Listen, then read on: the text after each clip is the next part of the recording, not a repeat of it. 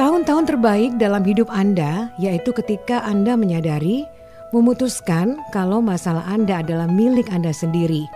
Anda tidak menyalahkan ibu, ekologi, atau bahkan presiden.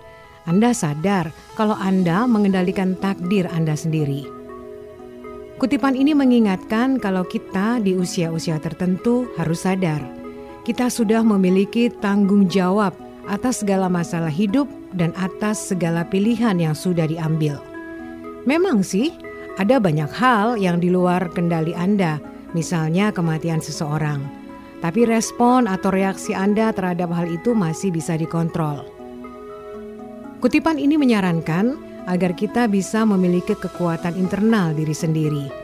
Jangan sampai terlalu terpengaruh, bergantung pada orang lain Jangan sampai tidak berdaya, seolah tidak punya kuasa, dan tidak memiliki dorongan untuk berubah.